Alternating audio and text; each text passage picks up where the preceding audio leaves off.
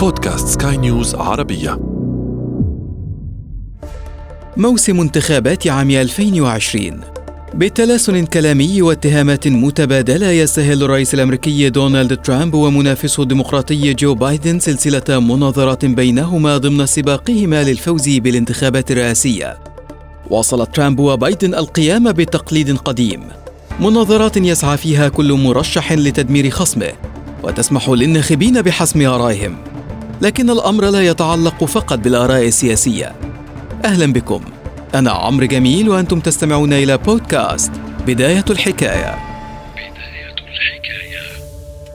في عام 1858 انطلق تقليد المناظرات بين السياسيين الأمريكيين.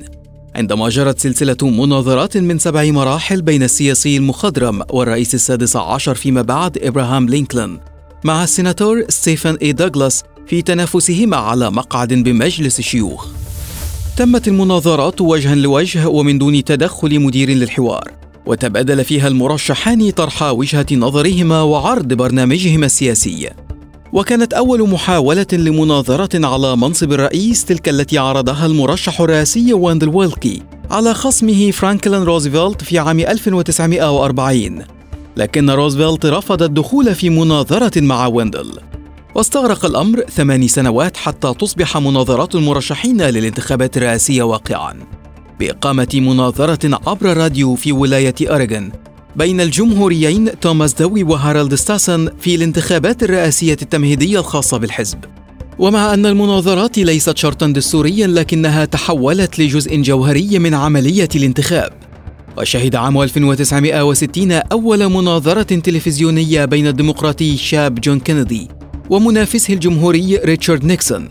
حظيت بنسبة مشاهدة كاسحة وتابعها 66 مليون مشاهد من بين 179 مليونا هم تعداد الولايات المتحدة حينها. ظهر كندي في المناظرة بمنتهى الحيوية.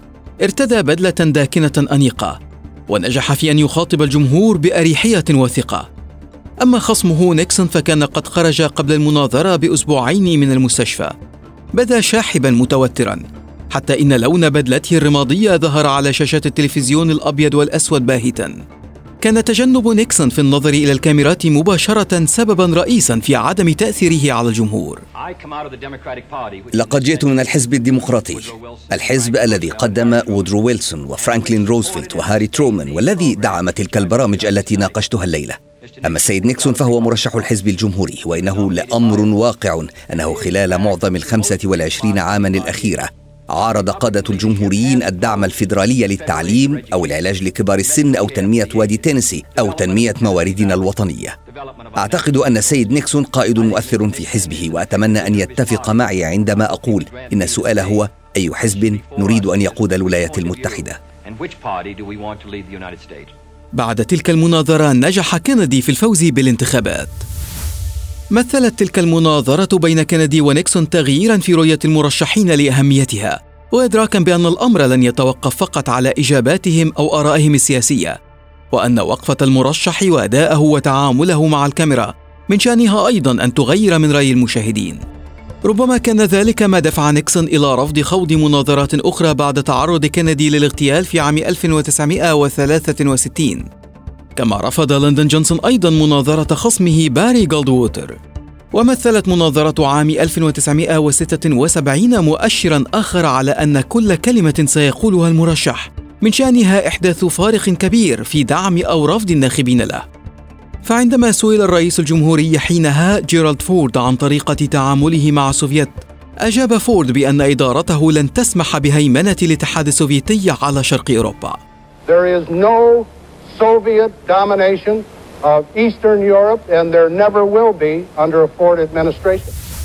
كان ذلك في خضم الحرب الباردة وفي وقت كان الاتحاد السوفيتي يهيمن فيه فعلا على أوروبا الشرقية. أسفرت الانتخابات في ذلك العام عن هزيمة فورد وفوز منافسه جيمي كارتر. مثل الوقوف أمام الكاميرات بالثبات وسرعة البديهة أحيانا سبل انتصار لبعض المرشحين على خصومهم. كان ذلك مفتاح الفوز الذي حققه المرشح الجمهوري رونالد ريغان أمام منافسه جيمي كارتر في عام 1980 استخدم ريغان خبرته كممثل سابق في هوليوود في التعامل مع الكاميرات باحترافية وثقة مكنته في نهاية المطاف من الإطاحة بالرئيس جيمي كارتر. وقف ريغان في نهاية المناظرة مخاطبا الجمهور عبر الكاميرات.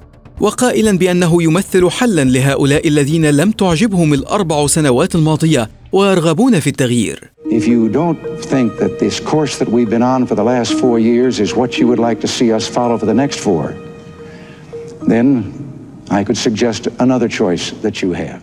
وفي عام 1984 عندما خاض ريغان غمار مناظرة أخرى ضد منافسه هذه المرة وولتر مونديل كانت إحدى النقاط الأساسية التي استندت إليها حملة منافسه لضعف ريغان هي تقدمه في العمر.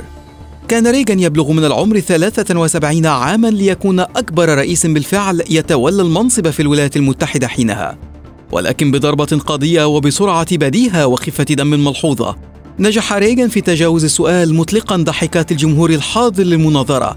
عندما أجاب بأنه لا ينوي أن يستخدم صغر سن منافسه وقلة خبرته السياسية لخدمة أغراضه السياسية You already are the oldest president in history, and some of your staff say you were tired after your most recent encounter with Mr. Mr. Uh, Mondale. Um, I recall yet that President Kennedy had to go for days on end with very little sleep during the Cuba Missile Crisis. Is there any doubt in your mind that you would be able to function in such circumstances? Not at all. Mr. Truitt, and I, and I want you to know that also I will not make age an issue of this campaign. I am not going to exploit for political purposes my opponent's youth and inexperience.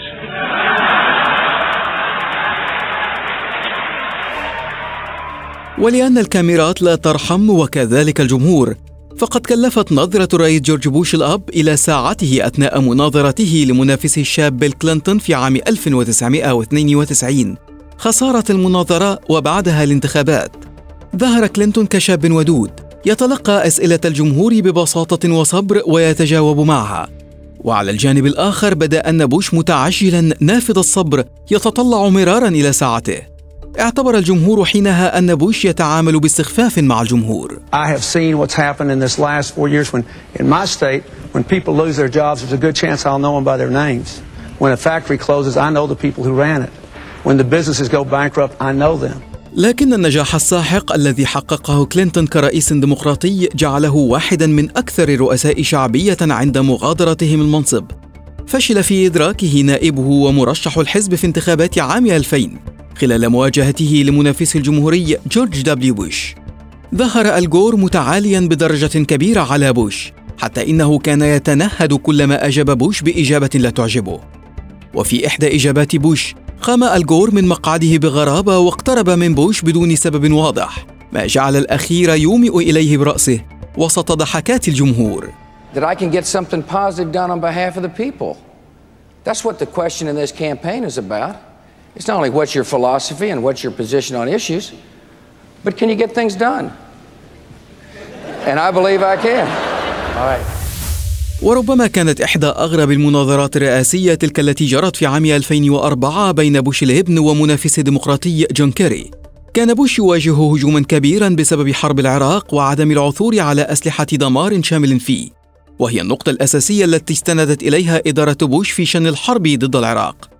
يتذكر الجمهور حينها نتوءا غامضا في سترة بوش وهو ما فسره البعض على أن بوش كان يتلقى أجوبة على الأسئلة التي تطرح عليه من خلال آلة استماع ثبتت بسترته I think what is misleading is to say you can lead and succeed in Iraq if you keep changing your positions on this war, and he has. As the politics change, his positions change. And that's not how a commander in chief acts.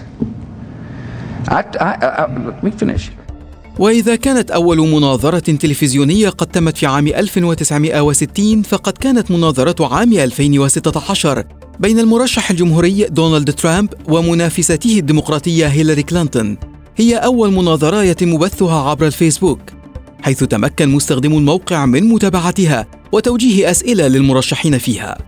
ربما لا تكون المناظرات وحدها هي المحدد الرئيس لنتيجة انتخابات الرئاسة الأمريكية التي تتحكم بها ظروف سياسية واقتصادية داخلية ودولية مختلفة. لكنها مع ذلك تلعب دورا مهما في ترجيح كفة مرشح نحو الفوز أو تلقي به نحو الهزيمة.